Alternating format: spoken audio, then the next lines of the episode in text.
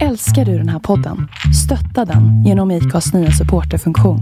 Det är helt upp till dig hur mycket du vill bidra med och det finns ingen bindningstid. Klicka på länken i poddbeskrivningen för att visa din uppskattning och stötta podden. Hiring for your small business? If you're not looking for professionals on LinkedIn, you're looking in the wrong place. That's like looking for your car keys in a fish tank. LinkedIn helps you hire professionals you can't find anywhere else, even those who aren't actively searching for a new job but might be open to the perfect role. In a given month, over 70% of LinkedIn users don't even visit other leading job sites. So start looking in the right place. With LinkedIn, you can hire professionals like a professional. Post your free job on linkedin.com slash people today. Hey, Dave. Yeah, Randy. Since we founded Bombus, we've always said our socks, underwear, and T-shirts are super soft. Any new ideas? Maybe sublimely soft. Or disgustingly cozy? Wait, what? I got it. Bombus. Absurdly comfortable essentials for yourself And for those facing homelessness. because one purchased equals one donated. Wow, did we just write an ad? Yes. Bombas. Big comfort for everyone. Go to bombas.com slash ACAST and use code ACAST for 20% off your first purchase. Burrow is a furniture company known for timeless design and thoughtful construction and free shipping, and that extends to their outdoor collection. Their outdoor furniture is built to withstand the elements, featuring rust-proof stainless steel hardware, weather-ready teak, and quick-dry foam cushions. For Memorial Day, get 15% off your Burrow purchase at burrow.com slash ACAST and up to 25% off outdoor. That's up to 25% off outdoor furniture at burrow.com slash ACAST. Hej och välkomna ska ni vara till avsnitt nummer 114 i ordningen av två låtar och en kändis, Sveriges mest tongivande podcast. Idag kära lyssnare så sitter jag här med en god vän som är mer känd bland kändisar än för gemene man, törs jag lova. Han har nämligen eh, rest runt sedan 70-talet i världen för att fota allt ifrån kungligheter till lastbilar och som är en av de få som har fått skriva en autograf till självaste David Bowie. Men med det sagt kära lyssnare, låt mig nu presentera en av Sveriges absolut främsta och meriterade pressfotografer, nämligen Tommy Holl. Tackar, tackar. Och välkommen hem. Ja, det är en stor ära att få vara här hemma hos dig idag och sitta här och få höra en massa intressanta saker. Sitter här i mitt lilla arbetsrum där vi tittar på lite bilder och lite annat. Ja, verkligen. Det första jag ska börja med här nu Tommy, det är att fråga hur står det till med Tommy Holl en dag som den här? Mycket bra. En 67-årig pensionär som inte kan vara pensionär för att jag tycker det är för roligt att jobba. Så jag jobbar ju på som vanligt, kanske inte riktigt lika mycket längre och inte så mycket nyheter och sånt. Men fortfarande är det ju sport och lastbilar och nöjen och lite bröllop ibland och sånt där. Nej, det är jätteroligt. Och kul att någon vill ha en. Det är nog det som är viktigast. Ja, absolut. Och det, vill, det är ju vi många som vill. Tackar. Ja. Du, jag tänker Tommy att vi ska ju prata en hel del om din karriär här idag när det gäller fotografering och allt sånt här. Men det är också så här att den här podden till stor del berör ämnet musik. Mm. Som jag gillar. Ja, och jag tänker att musik, liksom bilder, är egentligen något som berör oss alla på ett eller annat sätt. Det berör oss alla på ett sätt, eller på flera sätt. Det är också en form av tycke och smak. Det är samma som jag säger det här med så vi har årets bild och man, kan, man vinner priser och allting. Det är ju faktiskt jurymedlemmarnas som tycker att det är bra. Sen kan det vara en bild som man tänker efter att den här är absolut ingenting att ha. Så tycker vissa människor det är fantastiskt bra. Och det är ju samma med musik. Jag menar, du lyssnar på Melodifestivalen, du lyssnar på, många säger dansband, åh gud det är skit. Och sen är det vissa som lyssnar på det, ja men herregud det låter ju som amerikansk country och jättebra. Och så går man på en konsert för att man kanske gillar någon viss artist och så är det då i ens eget tycke helt värdelöst. Och så står det eh, någon bredvid en som säger att oh, det var den bästa konserten jag har hört av honom eller henne på åratal. Så att bild och musik hör väldigt mycket ihop. Det är tycke och smak, vilken mood man är just för tillfället och hur man liksom känner för den här bilden eller musiken man lyssnar på. Så att det är, det, det, det är verkligen då en eh, upplevelse form av det man gör. Sen är det då pressfotografer, vi ska ju också då visa om det har hänt olyckor, partipolitik, val och allting annat. Då ska man ju vara objektiv på ett helt annat sätt. Men annars är man ju inte hundraprocentigt objektiv. För det är ju jag som skapar i kameran eller när jag beskär bilden efteråt hur jag vill ha den. Mm. Så att jag menar, alltså att vara fotograf, tidningsmänniska eller på tv allting. Du är objektiv men det är ju ändå ditt subjektiva jag som kommer ut. Mm. Ja, det är en spännande form. Ja, det är det. det är, men det är sånt som man lär sig med, med tiden. Och man ser det på ett helt annat sätt. Man ser det journalistiskt och man ser det...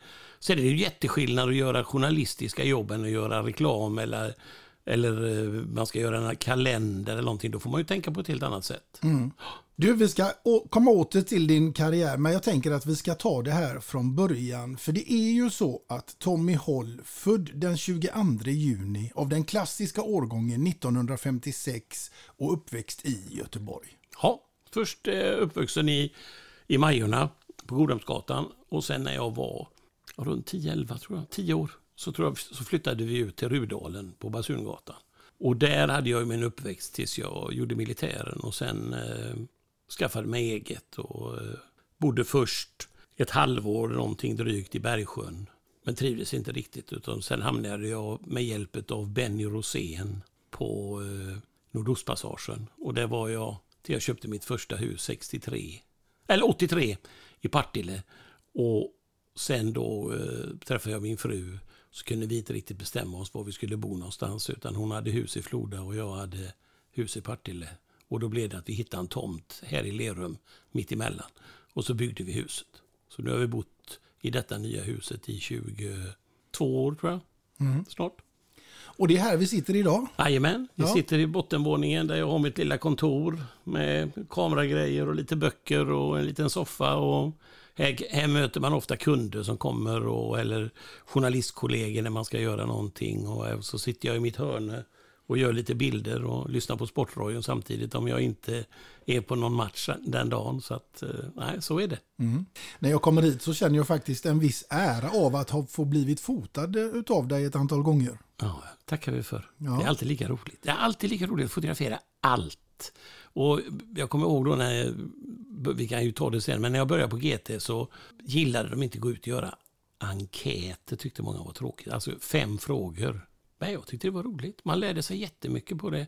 Och sen, rätt som det var, så hade ju den där personen, när man skulle göra en enkel, och det var ju världens enklaste bild, så egentligen kunde reporten tagit den själv. Så att det var ju enkelt. Men det, så var det någon man träffade och som hade en story sen efter i något annat. Och sen var den vidare och så kände den och den. Så ofta blir det ju fler jobb än bara det där lilla enkla. Så att man ska aldrig säga att någonting är dåligt eller tråkigt utan man måste göra allt. Mm. För då är det där, då är de goda sockerbitarna godast. Vi ska se vad vi får för god sockerbit när Tommy har svarat på fem snabba här senare i programmet. Men vi återkommer till det. Jag tänker att vi backar tillbaks till eh, din uppväxt och då tänker jag att jag ska fråga dig vad är egentligen ditt absolut första musikaliska minne som du kan komma ihåg ifrån en sån där tidig, tidig ålder när du var liten? Ja, vi hade ju då en sån här eh, radiogrammofon hemma och mamma och pappa hade någon, eh, jag tror det var stenkaka på den tiden. Vi hade i alla fall inte tv förrän 1963, så detta, detta har ju varit innan 63. Så det var någon, eh, ja, typ Tor Erlings orkester, för pappa spelade trummor när han finansierade sin utbildning och sånt där och höll på med något jazzaktigt. Jag tror inte det var något speciellt bra. Men sen hade jag en mormor som eh, levde till 1968 men hon älskade Elvis Presley. Så när jag var hemma hos henne så satt vi alltid och lyssnade på Radio Luxemburg. Min gamla mormor. Men hon var ju inte så gammal när man tänker efter. Hon, hon dog ju faktiskt yngre än vad jag är idag. Men vi hade jätteroligt. Jag tog min lilla väska och gick från Godhemsgatan ner till Majvallen där hon bodde. Och så lyssnade vi på eh, Radio Luxemburg. Så att det var Elvis och det var Tommy Steele och The Hollies. Och jag har någon aning om att eh, Sorry Susanne, tror jag en låt hette med The Hollies.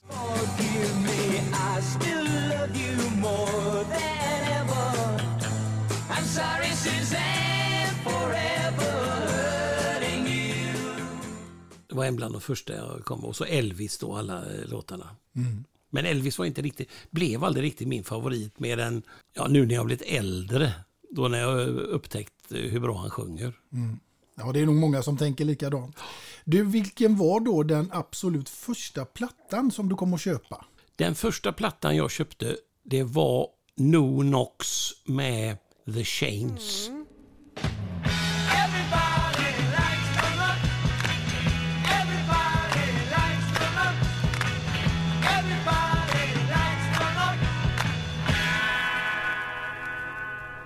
Det jag har fortfarande kvar singeln där uppe. Det är Gulf bensinstationen Ja, som gav ut den. De hade en bensin som hette No Nox. Och då var det popgruppen Change med Lennart Gran som sångare. Det var den första skivan. Och den köpte jag på en Gulftapp någonstans i centrala stan där de var. Det är mitt minne från den. underbart minne.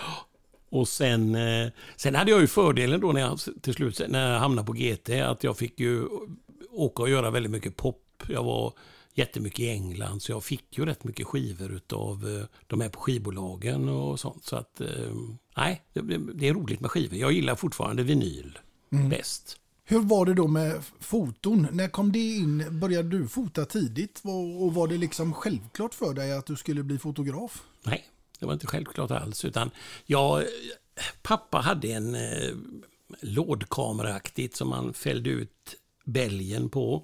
Som jag började pilla på när jag var 12-13 kanske. Men för mig var det ju bara fotboll och handboll och idrott för hela pengen. Framförallt fotboll då som jag älskade. Och, ehm, men sen då så var det prao. Eh, när jag gick i åttan så skulle man praoa. Och då eh, skulle man fylla i två olika saker. Först eh, hamnade jag på ett arkitektkontor. För jag visste inte riktigt vad jag skulle fylla i för något. Och det var ju jättetråkigt. Det var ju inget... Eh, det var bara allt hyss de höll på med där borta som var roligt. Men eh, sen frågade jag då pappa, för att pappa var på Götaverken, på eh, verkstadsklubben. Och pappa var elektriker egentligen. Så satt han med i verkstadsklubben och i... De hade en tidning som hette Skeppsbyggaren. Den var för Götaverken, Eriksberg, Kockum och dem. Och då hade de en stor reklamavdelning. Så jag frågade pappa om han kunde fråga fotograferna och reklamgubbarna och journalisterna där om jag fick praoa. Och då var det 14 dagar. Och då fick jag det. Och så lärde de en som heter Lars Sjögren och en som heter Tore Svensson. Två jätteduktiga fotografer. Så lärde de mig att framkalla film och sen fick jag gå ut och göra ett jobb och sen fick jag vara fotomodell på en eh, visade de nya overallerna och nya damaskerna på skor. Och sen frågade de mig då när de här 14 dagarna var slut om vad jag skulle göra på sommaren. Nej, jag skulle ju vara i Ambjörnarp då på vårt sommarställe. Ja, men det räcker väl att du är där när pappa har semester. Så att eh, kan inte du jobba istället eh, sex veckor? Och så har du fyra veckor med mamma och pappa. Ja, och på den banan blev det. Och så jobbar jag där i princip alla lov sen framöver gymnasietiden ut. Men jag, jag hade ju aldrig någon eh, tanke på att jag egentligen skulle bli fotograf eller journalist eller någonting. För att mammas kusin, det var Mac Enger på tv. Och han var ju nere i Ambynat mycket då och eh, jag ville ju gärna bli sånt. Men han förklarade för mig att dels var det hopplöst med jobb. Det var jättesvårt att få jobb. Och eh, man fick slåss om för att komma in på journalisthögskolan. Och eh, de flesta de hade, de hade också läst x antal år och någonting annat på universitet och sånt. Så att jag tänkte då att nej, men det där är nog inte lätt. Så att jag slog det lite grann ur hågen. Och så var det roligt att spela fotboll. Jag gick ju på, eh, på Hvitfeldtska då och var, det var så roligt för att vi var ju ett gäng klasskamrater där, men det var Kai Martin och en som hette Ellen Brinde. Och alla tre hamnade sen till slut på GT. Det började med det. Och ingen av oss skulle egentligen bli journalister. Så det var... Kai Martin var ju till och med rockstjärna i Kai Martin och The Stick.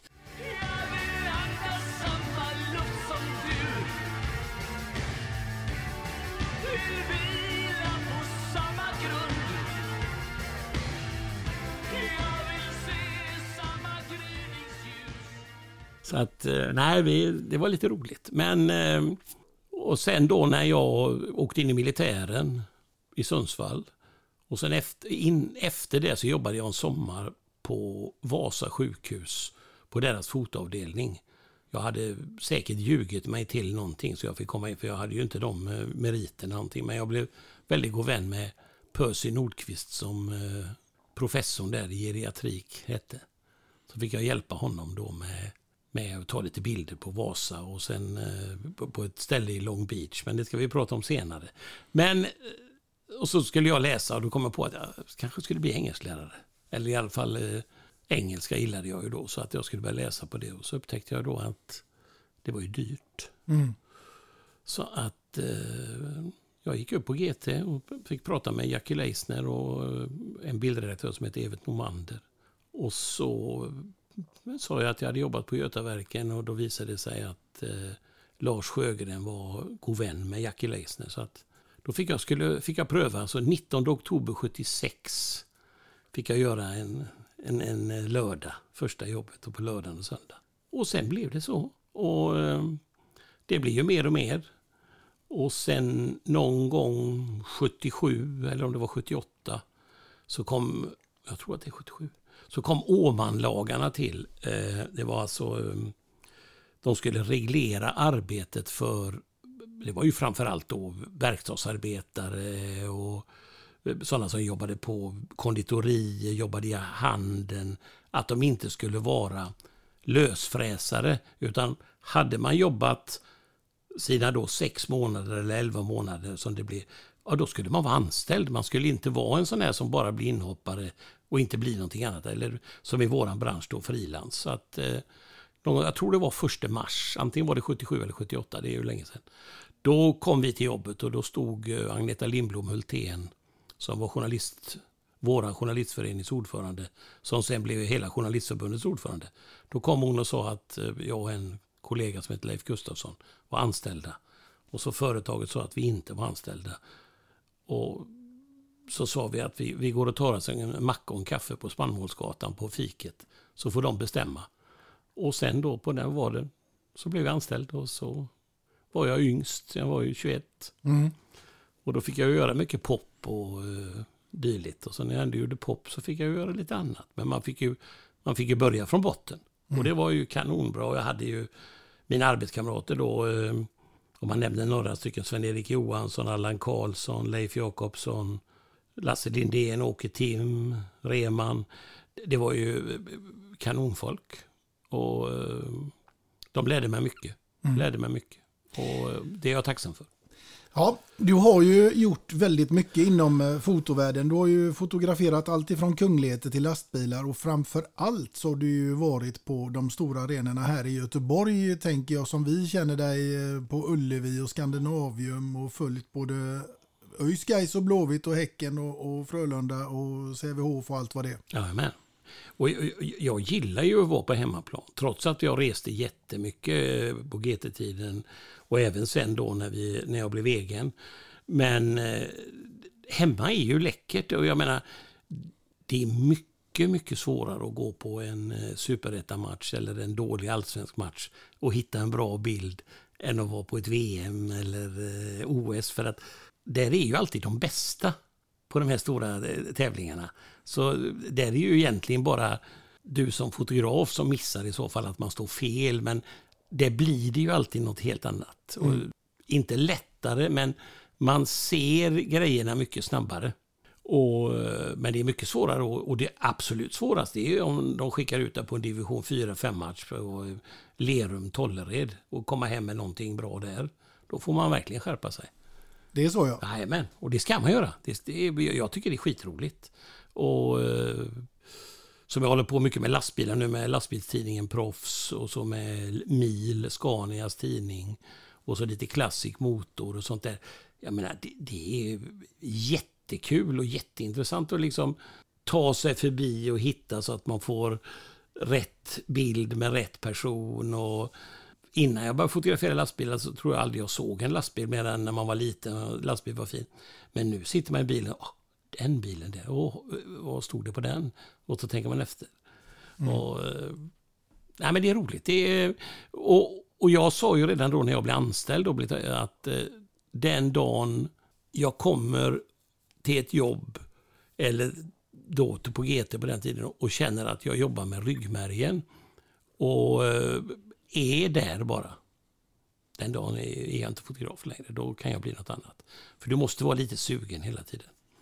Och du är ju aldrig bättre än det sista kortet. Nej. Eller bilden. Det, är många, det kan man använda i många sammanhang. Ja, men det är som fotboll. Jag menar, Ja. du kan vara skitbra i en match eller i ett VM och allting. Men den här sketmatchen mot Degerfors är du värdelös i. Och då säger de, åh, vad dålig han var.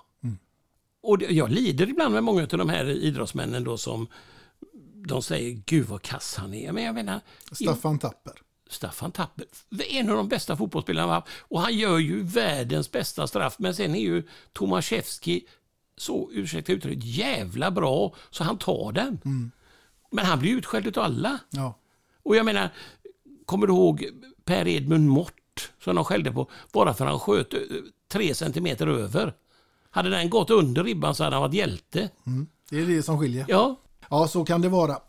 Du, eh, jag tänker ju också att du har ju fått träffa många stora eh, stjärnor runt om i världen. Och det är ju som vi sa här inledningsvis, du är ju faktiskt mer känd bland kändisarna än vad du är bland gemene man. Även om vi är många som alltid sett dig komma där med kameran gåendes. ja.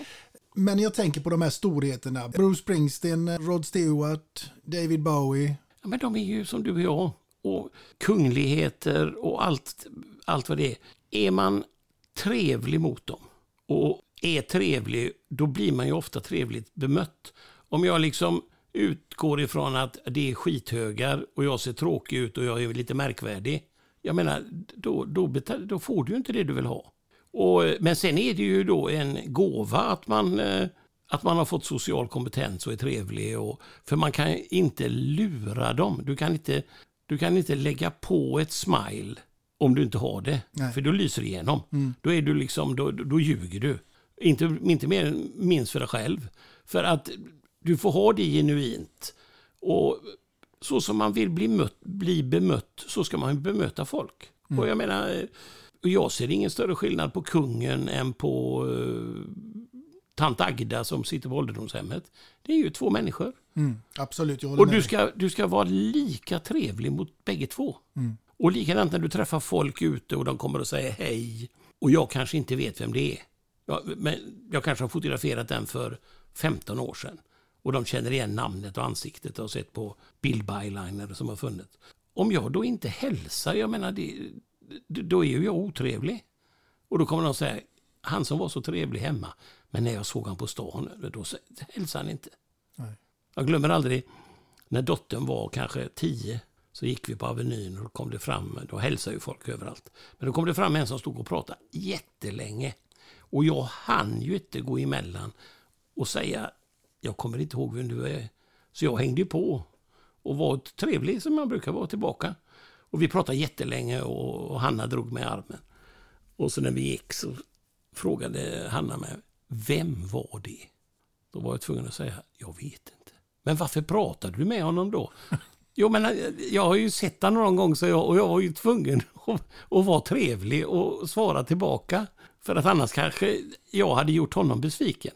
Så att eh, så enkelt är det, tror jag. Ja, det, det behöver inte vara svårare. Nej, nej. Men du, du får ju berätta lite här nu hur det gick till när du fick skriva din autograf till självaste David Bowie. För det är ju inte så många som har fått göra. Nej. Nej, det var så att eh, 1983 så eh, uppträdde han på Ullevi.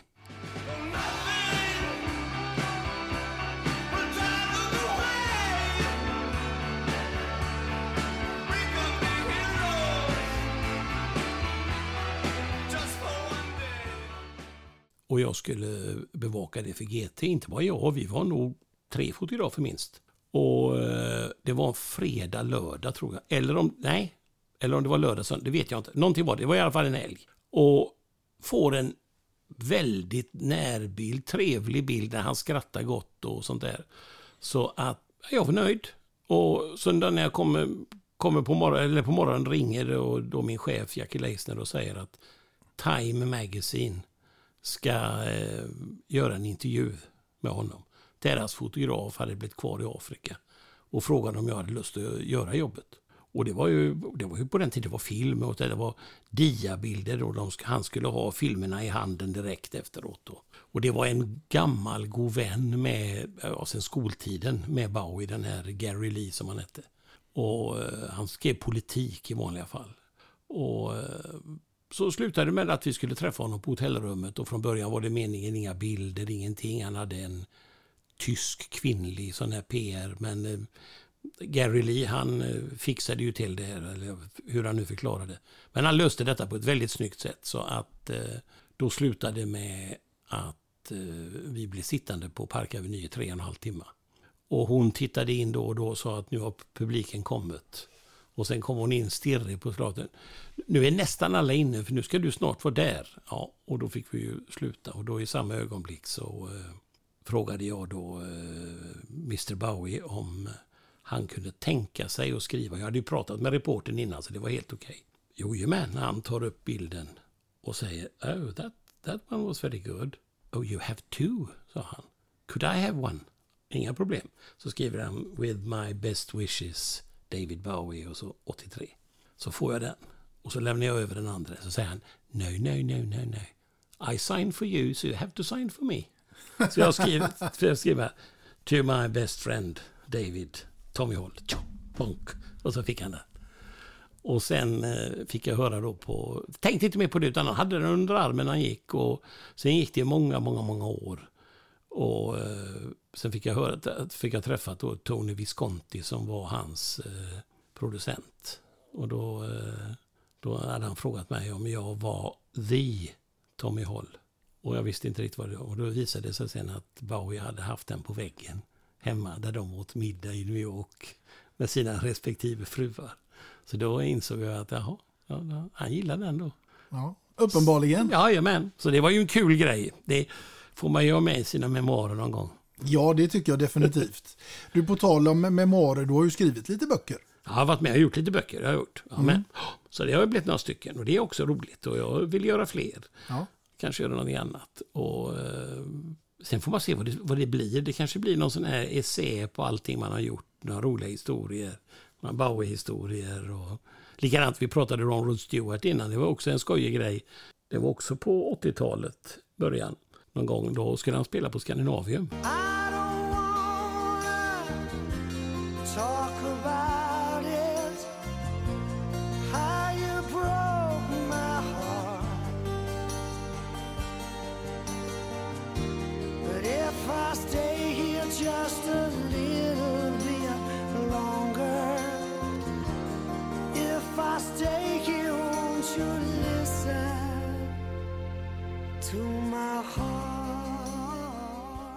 Och så blev jag och en reporter som hette Eva Roksten skickade till Hamburg och eh, skulle göra lite förhandsspan där.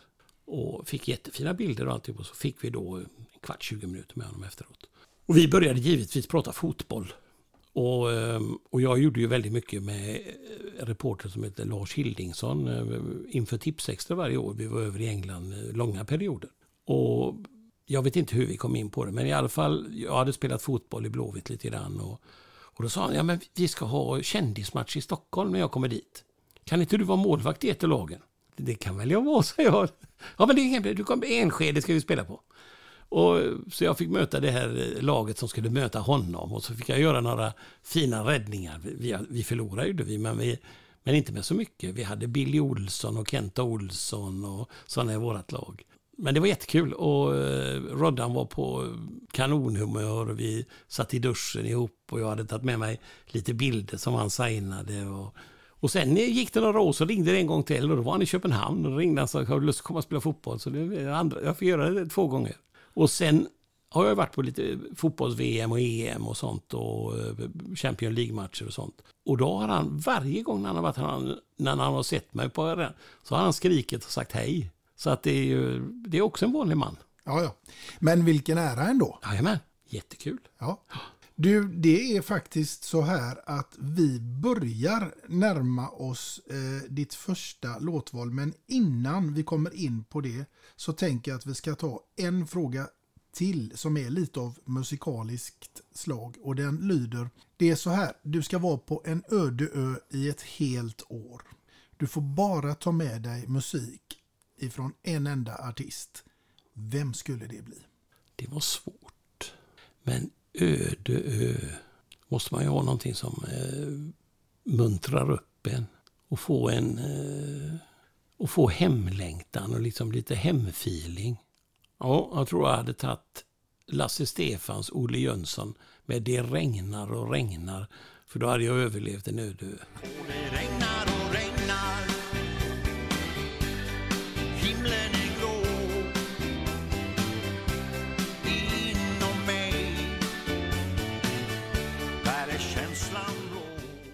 Jag tror det.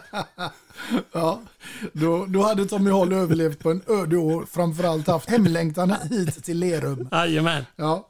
Du, vi tar oss ifrån den här öde ön nu till ditt första låtval som jag är extremt nyfiken på vad det skulle kunna vara och med vem och inte minst varför också då såklart. Det var en låt som jag hörde 1974 på, på radion. Och sen hörde jag den igen när jag var över i England 77, 78. En eh, kvinnlig sångerska som heter Stephanie D. Sykes. Inte speciellt superkänd, men eh, hade, hon, hon, var, hon hamnade på nummer två med just med den här låten som heter I was born with a smile on my face. Och där kände jag lite grann igen mig själv. Ungefär som, eh, ja, lite grann som jag är. Och eh, inte för att låten är superbra, utan det är en eh, låt, eller mellanting mellan en melodifestival och en dansbandslåt. Men eh, den är trevlig och det är stråkar och det är gitarrer och lite annat blandat och en kör. Så att, men den är lite grann ungefär som jag. Och jag hoppas att jag fortsätter eh, livet ut med det där lilla smilet i ansiktet.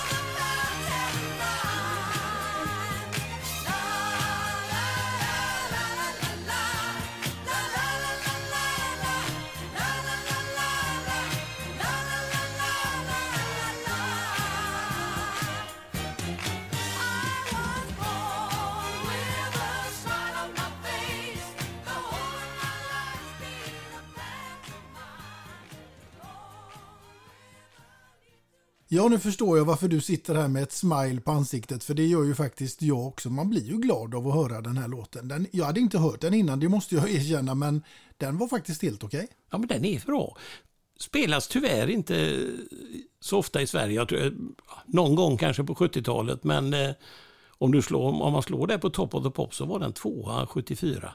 Så att, som bäst. Och, eh, nej, men den är trevlig, man mår bra efteråt. Ja, Ja. verkligen. Du, vi tar oss ifrån det scenariot till något helt annat. För nu är det så här Tommy Håll att du sitter där hemma i arbetsrummet nu vid din dator där borta och håller på och jobbar. Och radion här är påslagen. Helt plötsligt så dyker det upp en låt som får dig att vilja resas upp ifrån stolen och omgående gå fram och stänga av den eller byta kanal. För det här vill jag inte höra mer. Vad är det för något? Säkert någon av de där hemska fa- falsksångarna. För generellt sett så gillar jag ju all musik. Jag kan till och med njuta av opera, även om inte jag löser biljett på opera så ofta. Men eh, klassisk musik och eh, rock och pop och... Eh, nej, det, det, det mesta smälter ner. Men om det är någonting som är falskt eller dåligt, eh, så där riktigt, då stänger jag nog av. Det gör jag nog. Mm. Vad skulle det kunna vara? Det fanns någon, jag kommer inte ihåg vad hon hette, det kan man ju kolla upp sen. Det var någon amerikansk dam, hon kunde inte sjunga men hon fick sjunga in eh, låtar ändå. och det, var- det, det lät gräsligt och, eh, och likadant eh, Fyra bugg och en Coca-Cola med Carl Bildt tror jag hörde en gång. Det var inte så bra. Fyra bugg och en Coca-Cola Spela freestyle med fräck musik Fyra bugg och en Coca-Cola Av sommar och romantik Nej. Och, och likadant, eh, jag fick eh, utav min gode vän Ingvar Oldsberg gjorde ju en LP-skiva. Ja, Den var väl inte den man spelade mest. Jag tror den, den har nog sin kuriosa och nu skrattar han nog i himlen när han hör det här. Men eh, den var nog inte den jag lyssnade på så mycket. Nej. nej, jag tror inte den var aktuell för radion heller. Nej, jag tror inte det. Jag tror den hade blivit portad där. Ja, Trots att han var en god gubbe. Ja. ur alla aspekter. ja. Du, vi ska prata lite sport här igen, för det var ju faktiskt så Tommy att du var målvakt en gång i tiden i eh, Blåvitts eh, juniorer. Jajamän, jag spelade där några år. Pojklag och juniorer. Och det var jätteroligt. Och sen, men sen skadade jag mig lite grann och så blev jag lite rädd därefter. Så att eh, det blev ju aldrig någon mer karriär sen. Jag spelade lite på lägre nivå och eh, spelade ute då mest. Och så, eh, sen spelade jag med dansbandskillarna. De har något som heter Dansbandslandslaget. Då spelade vi på onsdagar i Jonsered och så spelade lite fotboll. Så jag höll på rätt länge. Jag höll på till jag var 55 när det bara dog ut för att vi blev för gamla. Mm. Men eh, nej, jag ville ju gärna bli ett fotbollsspelare. Blev jag, men eh, jag var nog... Jag blev nog lite rädd och var kanske inte eh, så superbra så att jag skulle blivit allsvensk fotbollsspelare, det tror jag inte. Men jag spelade ju med i, i journalistlandslaget och när vi var ute på sånt där. För det var ju skoj. Men eh, Och man kan ju inte bli annat än imponerad nu när vi sitter här i ditt eh, arbetsrum och så mitt framför mig här så ser jag en signerad tröja med Ibrahimovic på ryggen med nummer 9 ifrån eh, Galaxy och eh, där står det Tack Tommy och så är, det, är den signerad av självaste Zlatan. det var en fin sak. Och den fick du hemskickad på posten vet jag men hur gick detta nu till? Nej, jag hade fotograferat. Deras son spelade eh, Gothia Cup. Och eh, på första matchen på en måndag. Det är väl en fyra, fem år sedan. Ja, det var in- innan pandemin var det. Och vi var där och så tog jag lite bilder på... eh, Jag fick reda på vilket nummer han hade för han var inte alls lik Zlatan. Han var, han var mycket mer lik mamma. Och det blev jättebra bilder och vi hade gjort upp då, för jag hjälpte ju Häcken också då, att vi skulle inte publicera det förrän på torsdagen. Och så kom då, för jag hade gjort en, samlade ihop Häckens lag och allihop och eh, gjorde en lagbild då det hela. Och då kom eh, Zlatans fru Helena och, frågade om hon fick köpa några bilder. Och jag sa nej det behöver du inte göra, så jag, utan jag kommer med. Du ska få en sticka till mig med lite bilder. Och det fick hon på onsdagen, så att det var ju lugnt med det. Och sen eh, tänkte inte jag mer på det, utan då åkte vi på semester hem. Min fru är isländska, så vi åkte hem till Island. Sen när jag kom tillbaka fick jag ett sms där de tackade jättemycket för bilderna och ville ha min hemadress. Och jag skrev tillbaka tackar så mycket för att då blir man jätteglad när man har gett bilder till någon och de tackar så. Och då är det ju, det är också genuina fina människor. Och sen tog det någon vecka så kom postlådan och då blev jag ju ännu gladare. Ja, det tror jag det. Så då, eh, nej så det är en, det är en favoritgrej. Ja. Och det visade sig också, det är ju en fin man. Och eh, vanlig. Och eh, som jag tycker då är jättekul när de tycker det är någonting man har gjort det bra. Mm. Så jag bara tackar så mycket. Jag tänker att honom har du väl också fotat i andra sammanhang? eh, Jajamän, mycket, mycket landslaget. Mycket Ja. landslaget. Och till och med när han debu- jag tror att han debuterade mot Häcken på gamla Rambergsvallen på match jag, den jag var på. Han kom in eh, som inhoppare. Och så har man ju följt honom på lite olika ställen. Varit både i Italien och tror jag var i Holland också. Såg han någon match. Så att, nej men det är, det är ju våran bästa fotbollsspelare. Helt klart. Helt klart. Det är för övrigt en av mina favoritgäster här i podden. Det är den man skulle vilja Ja, ja, ja, ja, ja, ja. Du får pröva. Jag håller på. Vi får se hur det hela slutar där. Jajamän.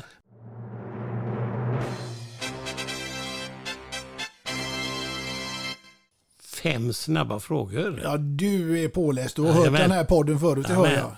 jag. Ja, det är underbart. Är du redo för de här fem Ja, snabba då? jag är redo. Då börjar vi. Vara bäst bland de sämsta eller sämst bland de bästa? Är man sämst bland de bästa, då är man ju rätt bra. Men är man sämst, är man bäst bland de sämsta, ja, då är man kanske inte lika bra. Men det är svårt. Det är tyck och smak där också. Ja, men nu får du bara Så välja. då är det bättre att vara sämst bland de bästa. Sämst bland de bästa? Ja, Ja. Fråga två lyder. Ett år utan din kamera eller en månad med grymt handverk? en månad med grymt handverk. Den var ganska given tänker jag. Surströmming eller levergryta på tallriken i en vecka? Surströmming. Den var också snabb. Vara kung i baren med Uggla eller vara främling med Carola? Främling med Carola. Kunna se in i framtiden eller ändra det förflutna? Framtiden då. För det flu- förflutna är ju redan gjort. Ja. Men fa- fast sen är det ju så, framtiden finns ju inte. Nej, men här var frågan kunna se in i framtiden. Då eller... tar vi den. Ja. Kunna se in i framtiden. Ja, för jag vill inte ändra något. Nej. Du är nöjd som det är? Ja. Ja. Det är ju underbart. Ja, ja. Men det, var, det här löste du bra. Ja, gick fort. Det gick fort. Mom deserves the best, and there's no better place to shop for Mother's Day than Whole Foods Market. They're your destination for unbeatable savings, from premium gifts to show-stopping flowers and irresistible desserts. Start by saving 33% with Prime on all body care and candles. Then get a 15-stem bunch of tulips for just $9.99 each with Prime. Round out Mom's menu with festive rosé, irresistible berry chantilly cake, and more special treats. Come celebrate Mother's Day at Whole Foods Market. Hiring for your small business? If you're not looking for professionals on LinkedIn, you're looking in the wrong place. That's like looking for your car keys in a fish tank. LinkedIn helps you hire professionals you can't find anywhere else, even those who aren't actively searching for a new job but might be open to the perfect role. In a given month, over 70% of LinkedIn users don't even visit other leading job sites. So start looking in the right place. With LinkedIn, you can hire professionals like a professional. Post your free job on linkedin.com/people today. Everyone knows therapy is great for solving problems, but getting therapy has its own problems too, like finding the right therapist, fitting into their schedule, and of course, the cost. Well, BetterHelp can solve those problems. It's totally online and built around your schedule. It's surprisingly affordable too. Connect with a credentialed therapist by phone, video, or online chat, all from the comfort of your home. Visit betterhelp.com to learn more and save 10% on your first month. That's BetterHelp, H E L P. Planning for your next trip? Elevate your travel style with Quince. Quince has all the jet setting essentials you'll want for your next getaway, like European linen, premium luggage options, buttery soft Italian leather bags, and so much more. And is all priced at 50 to 80% less than similar brands. Plus, Quince only works with factories that use safe and ethical manufacturing practices. Pack your bags with high-quality essentials you'll be wearing for vacations to come with Quince. Go to quince.com slash pack for free shipping and 365-day returns. Burrow is a furniture company known for timeless design and thoughtful construction and free shipping, and that extends to their outdoor collection. Their outdoor furniture is built to withstand the elements, featuring rust-proof stainless steel hardware, weather-ready teak, and quick-dry foam cushions. For Memorial Day, get 15% off your Burrow purchase at burrow.com slash ACAST and up to 25% off outdoor. That's up to 25% off outdoor furniture at burrow.com slash ACAST. Du, eh, vi ska komma till någonting som kan vara, kanske inte gå lika fort, men som kan vara väldigt, väldigt roligt. Därför det är ju så här Tommy, att du har mött en otroligt massa kända personer genom åren här sen närmare bestämt den eh, 19 oktober 1976 och fram tills idag. Och nu ska du få en chans att placera ut några utav alla de här kända människorna som du har mött och fotat genom åren och sätta in dem under respektive karaktär på sju olika personer och då pratar vi givetvis om Snövit och de sju dvärgarna. Så att jag undrar nu, vem utav alla du har fotat skulle kunna få representera Kloker? Det är Jan Eliasson. Jan Eliasson får Kloker. Mm. Ja. Vi tar oss ifrån Kloker och till dess raka motsats och då hamnar vi ju hos Toker.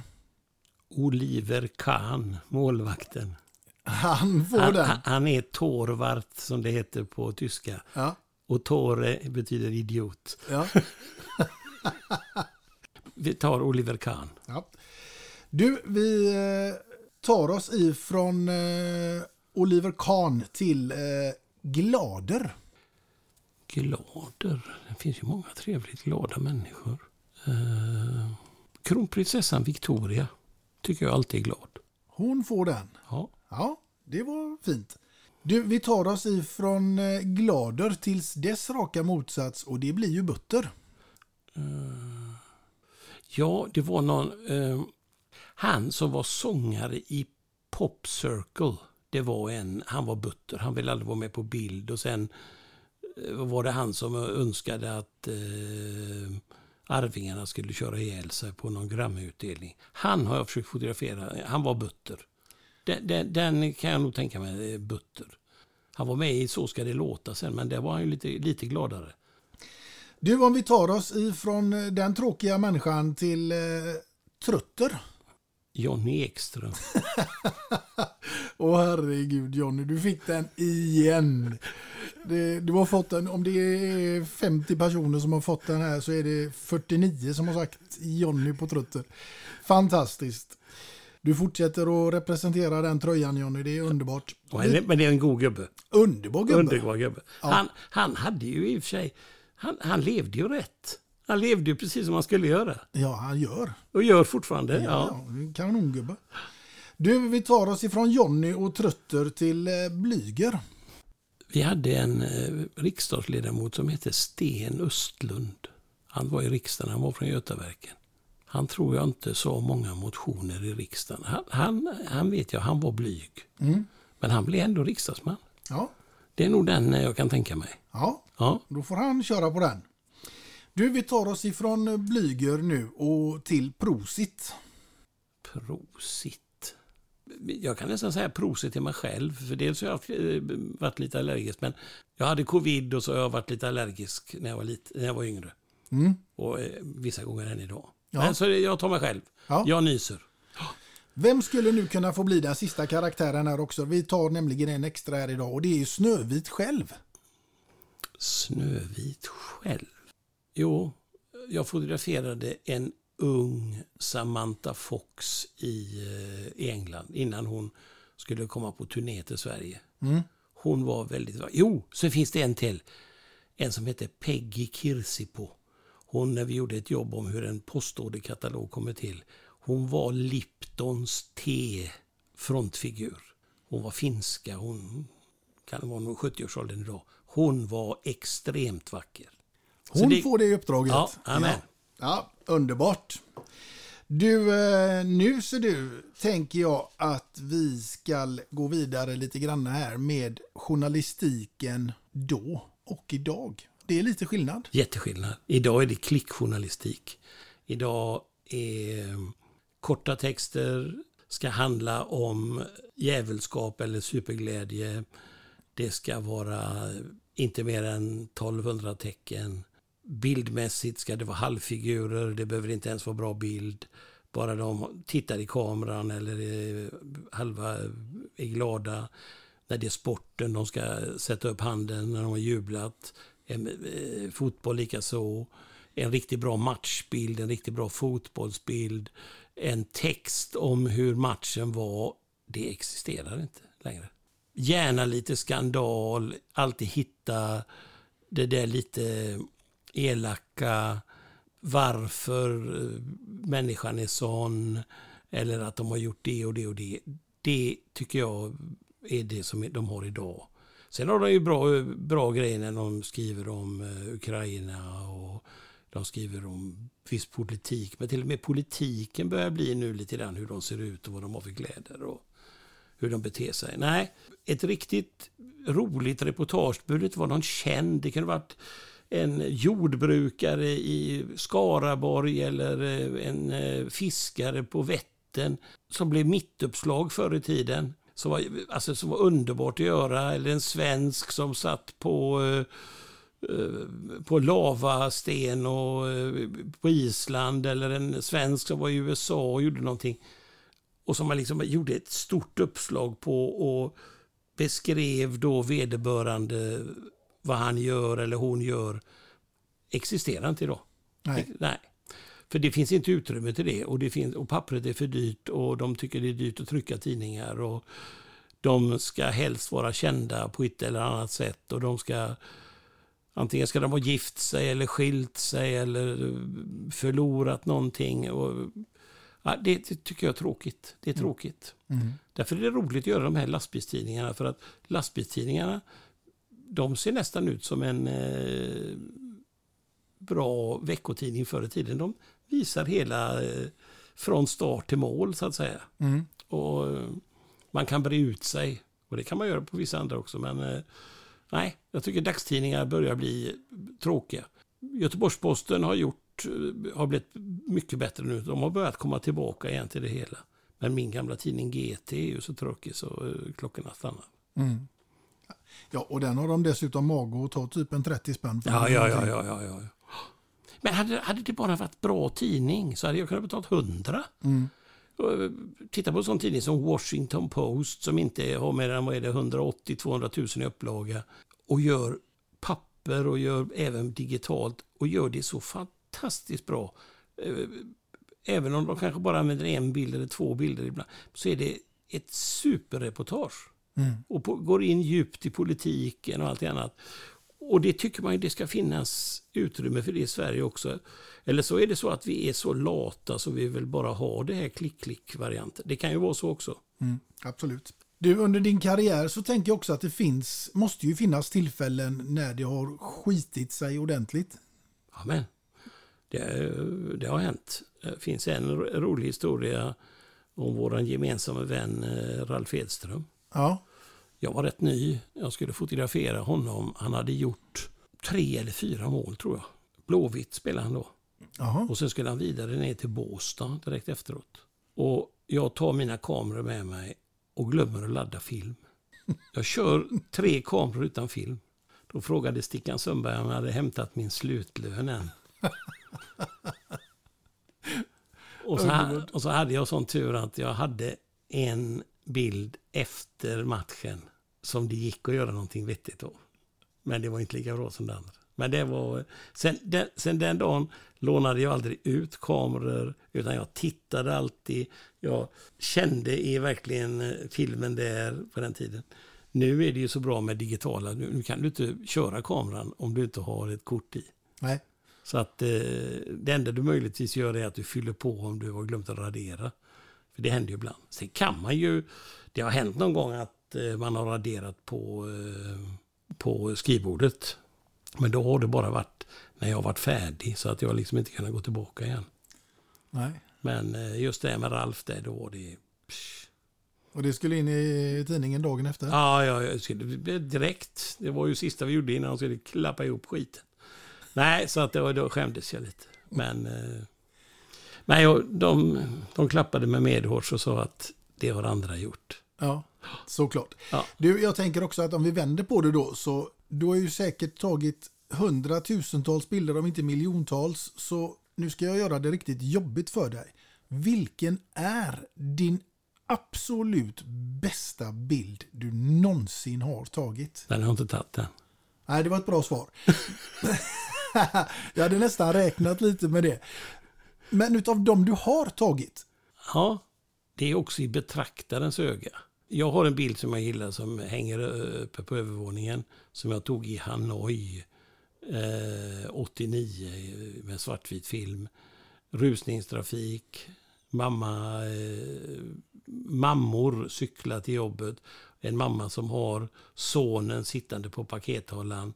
Och han har, är väl kanske fem år. Och har en Kalishnikov eller något motsvarande i handen. Den såg jag från bilen och sprang efter och tog tre bilder snabbt. Den gillar jag. Det är en, det är en bra bild. Bilden på Bowie är jag nöjd med. Jag tog en, en, en rolig bild för några år sedan på Gidsim Zala i eh, Salin, Salin, Salin.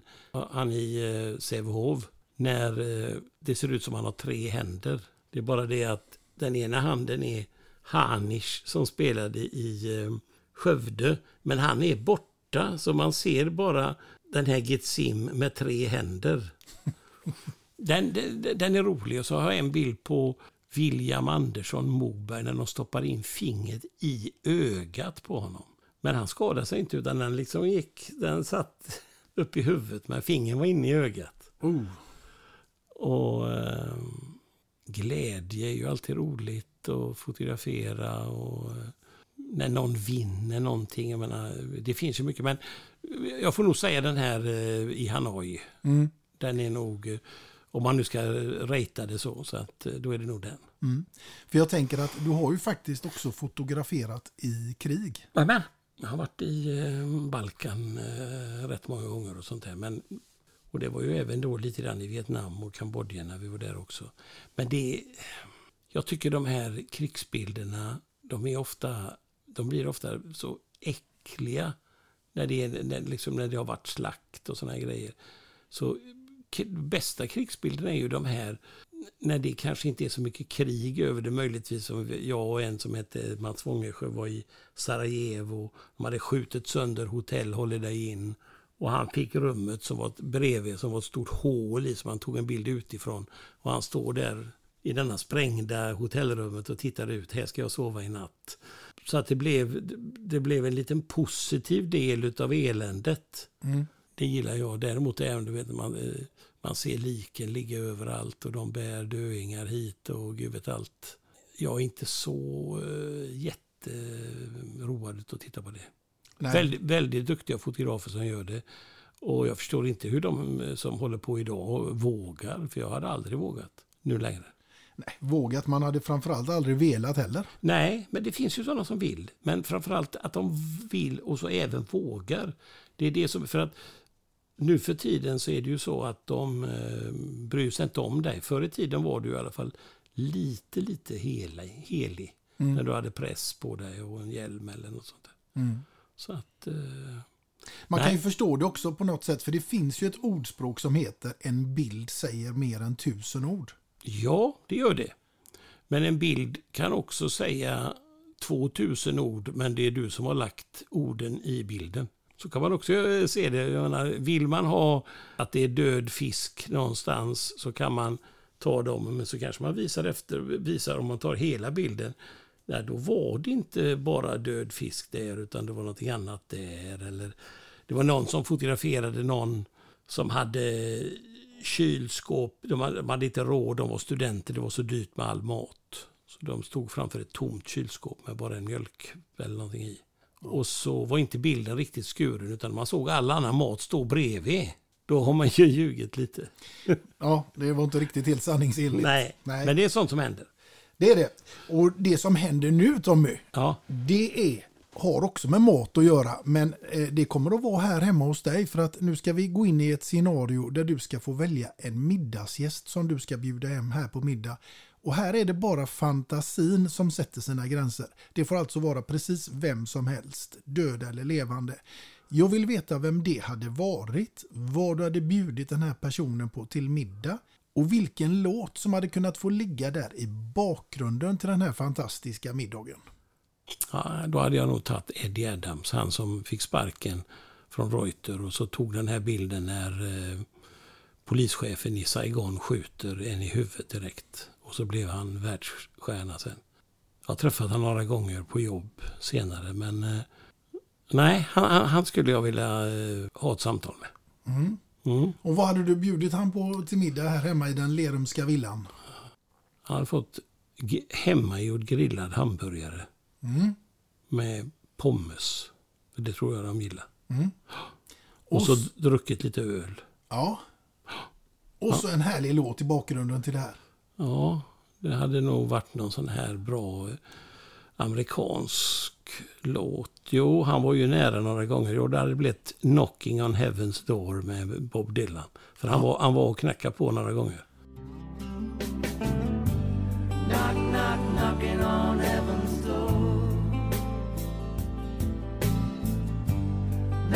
Knock, knock, knocking on heaven's door. Knock, knock, knocking on heaven's door.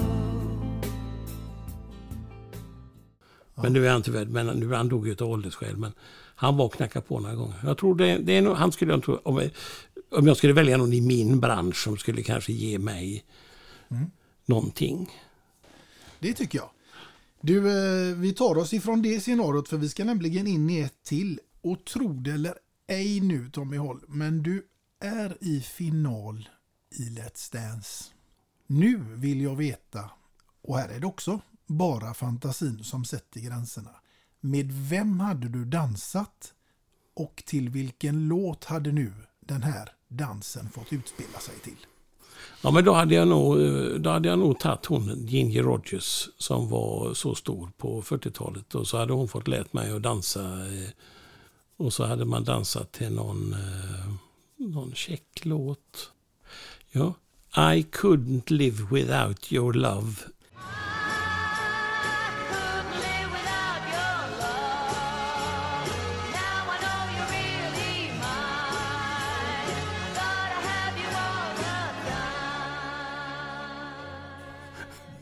Se där, ja, alltså nu, nu är du hemma här så det, jag tror Tony Irving hade gått bananas på det här.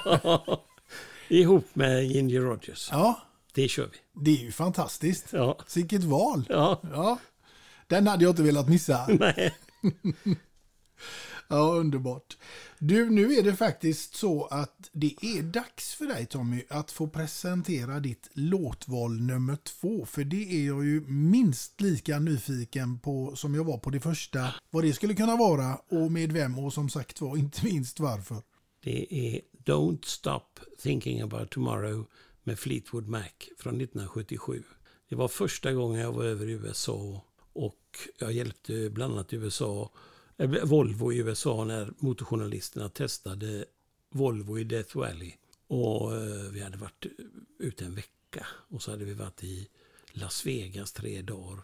Och så ska jag köra hem till Los Angeles själv och sitter i en guldfärgad 262 kupé och så spelar de Fleetwood Mags nya hitlåt. Och när jag kör in i Brentford de den här Don't, think, Don't Stop Thinking About Tomorrow. Och jag satt med nervevade rutor. Och det, det var första gången jag kände sån här riktigt god feeling. Och sen spelades den där, de här sista 20 mil, 25 milen oavbrutet, vilken kanal det än var. Så det, det glömmer jag aldrig. Nej, det förstår jag. Så det var, det, det var, och då var man ju ung, man eh, hade bara hört om USA och jag hade varit där kanske 14 dagar då. Nej, det var, eh, då, då var det en ny värld som öppnade sig. Och eh, med en sån här, eh, den lyxigaste Volvon som man hade. Och Mm. folk tittade på när man kom i den gula bilen, eller guldfärgade bilen. Nej, det, det glömmer jag inte. Det, det, det, så därför gillar jag den låten. Och varje gång jag hör den så tänker jag när jag sitter med armbågen ut och kör. Då kör vi den nu då. Ja, kör vi den.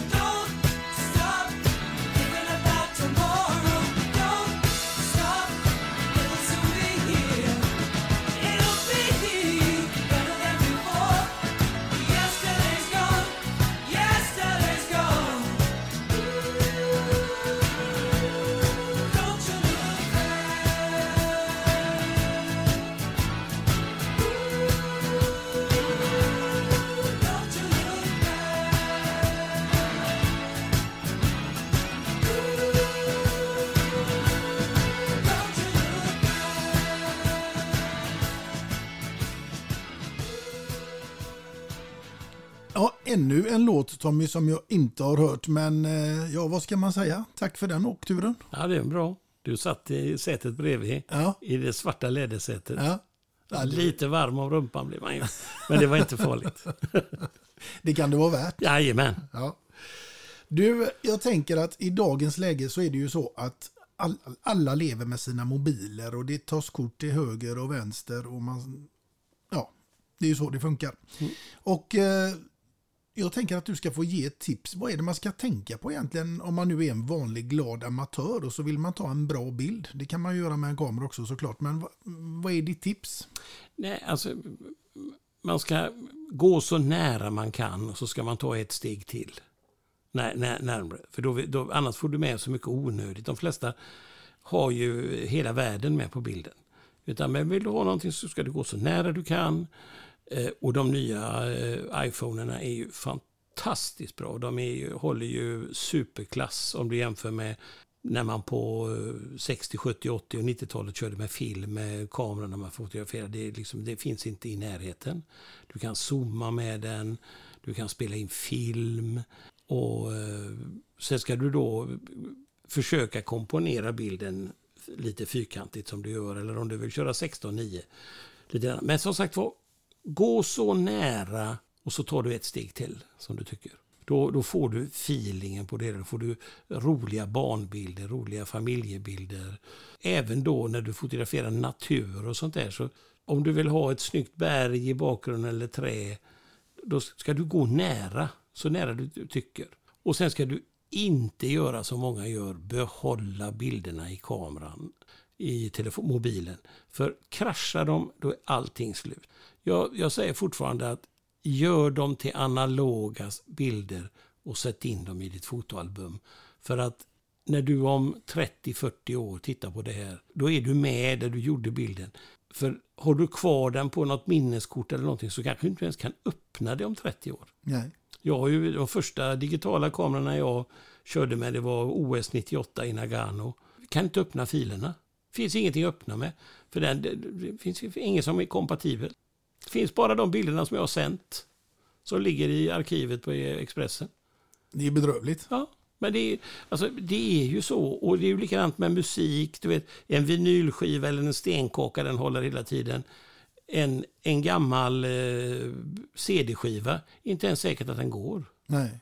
För det har ju liksom arbetat upp sig. Det har gått så fort allting innan. Så att, men som sagt var, till de här som har bilder i, i telefonen, gör dem. Kostar inte mer än en spänn att gå in till fotohandlaren, tanka ur bilen.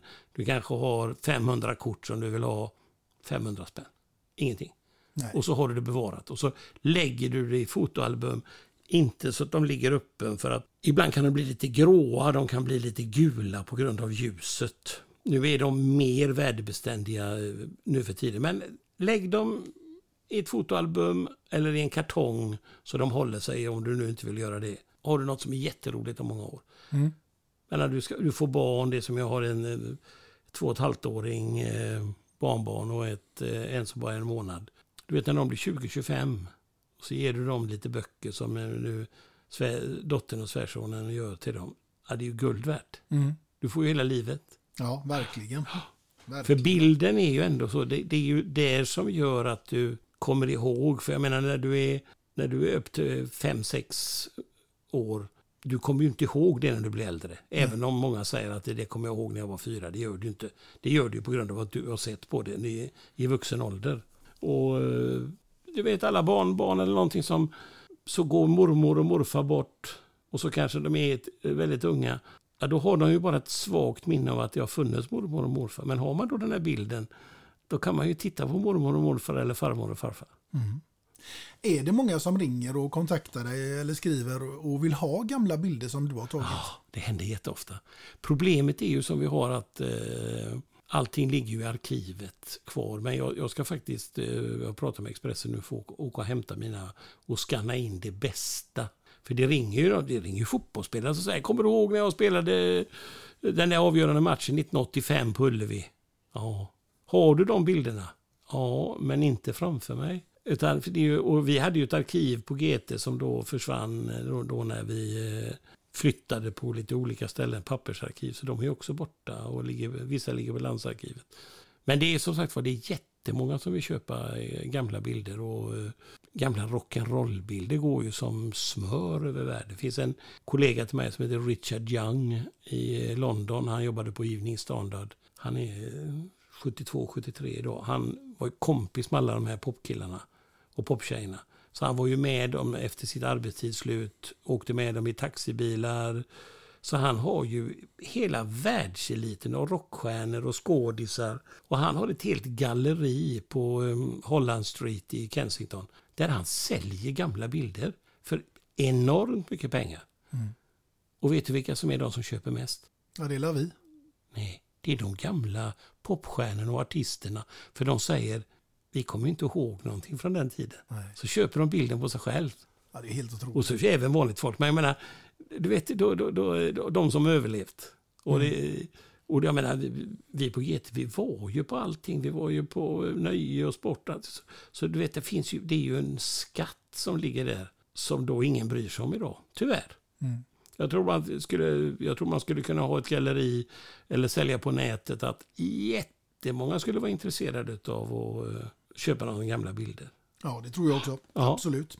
Men du, du blev ju faktiskt ganska bra bundis med grabbarna i Iron Maiden. Ja, jo, jag fick. Det var ju så att deras fotograf, eh, en som jag kände lite grann innan, och deras manager som heter Ro- Robert, Rob Smallwood, de ringde mig 2003, då när vi hade blivit precis uppsagda från tidningen. Så att eh, mellan 2003 och 2005, 2006 så, tog, så fanns det ju inga fotografer mer sen som var anställda på Expressen. Och, och vi fick ju göra jobbet. Då ringde de och frågade om jag hade lust att hjälpa dem. För de skulle göra en liveskiva på Ullevi. Och eh, det var ju, det var ju jättekul. Det var ju en fjäder i hatten. Och vi gjorde det hela och jag sprang i diket och jag fotograferade folk och jag stod på taket på Ullevi och jag var på pressläktaren. Jag, jag var runt som en skållad råtta runt där på den och det gick jättebra. Hem, gjorde i ordning bilder, lade på en CD som man gjorde då på den tiden och Federal Express kom och hämtade den på morgonen och så iväg då till London.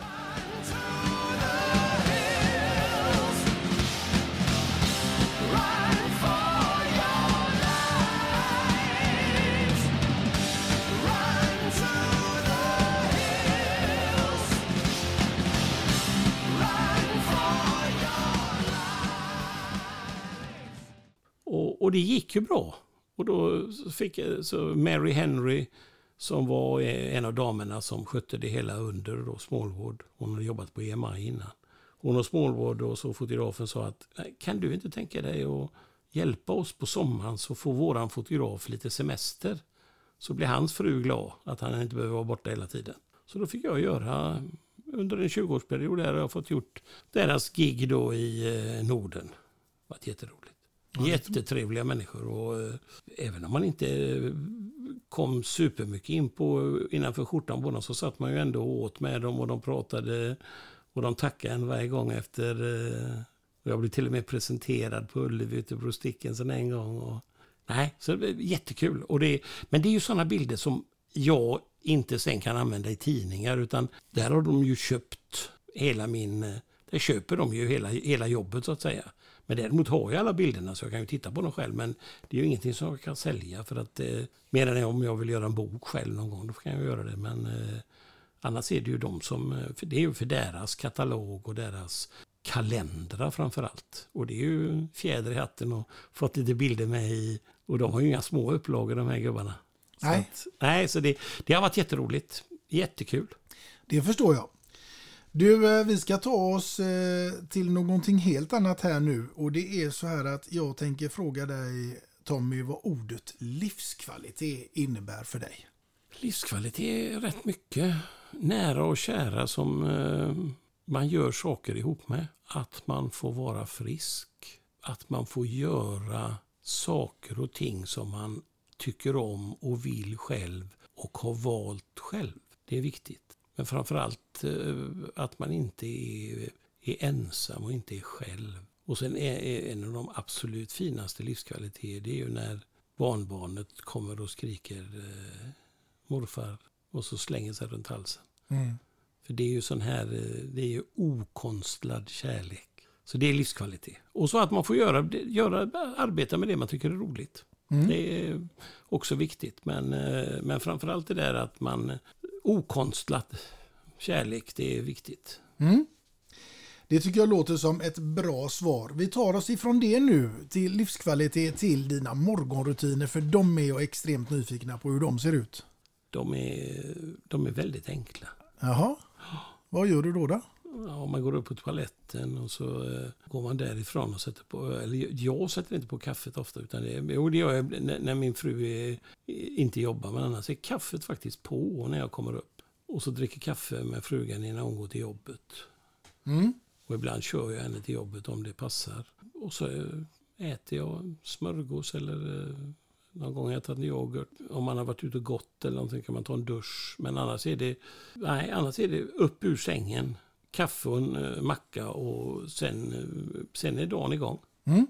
Det jag fiskade efter här nämligen, det var om kaffet var viktigt för dig på Kaffe är morgonen. jätteviktigt. Ja, Kaffe är, jag drack inte en, hade aldrig druckit kaffe innan jag hamnade på GT.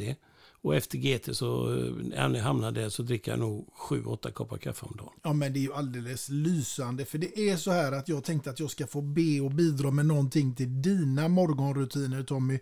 Och då är det just med en kaffemugg och en ganska rejäl tilltagen sådan Åh, med två vad låtar och en kändis. Och givetvis får du ditt namn ingraverat. Och ingen kan stjäla den. Gud vad, vad glad jag blev. Tusen tack. Ja, Den ska den tas ner för trappan ifrån uh, kaffebryggan ner sen. Full varje dag, jag lovar. Ja, men det är fantastiskt. Det har varit en stor, stor ära Tommy att få komma hit hem till dig idag och sitta och göra detta fantastiskt trevliga poddavsnitt. Det har varit jättekul att du varit här och jag känner mig oerhört hedrad.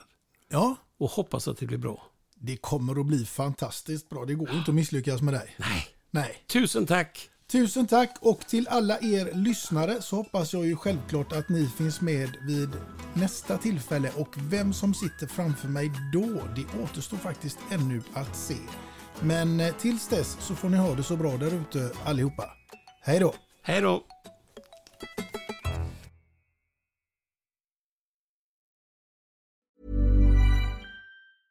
Planning for your next trip?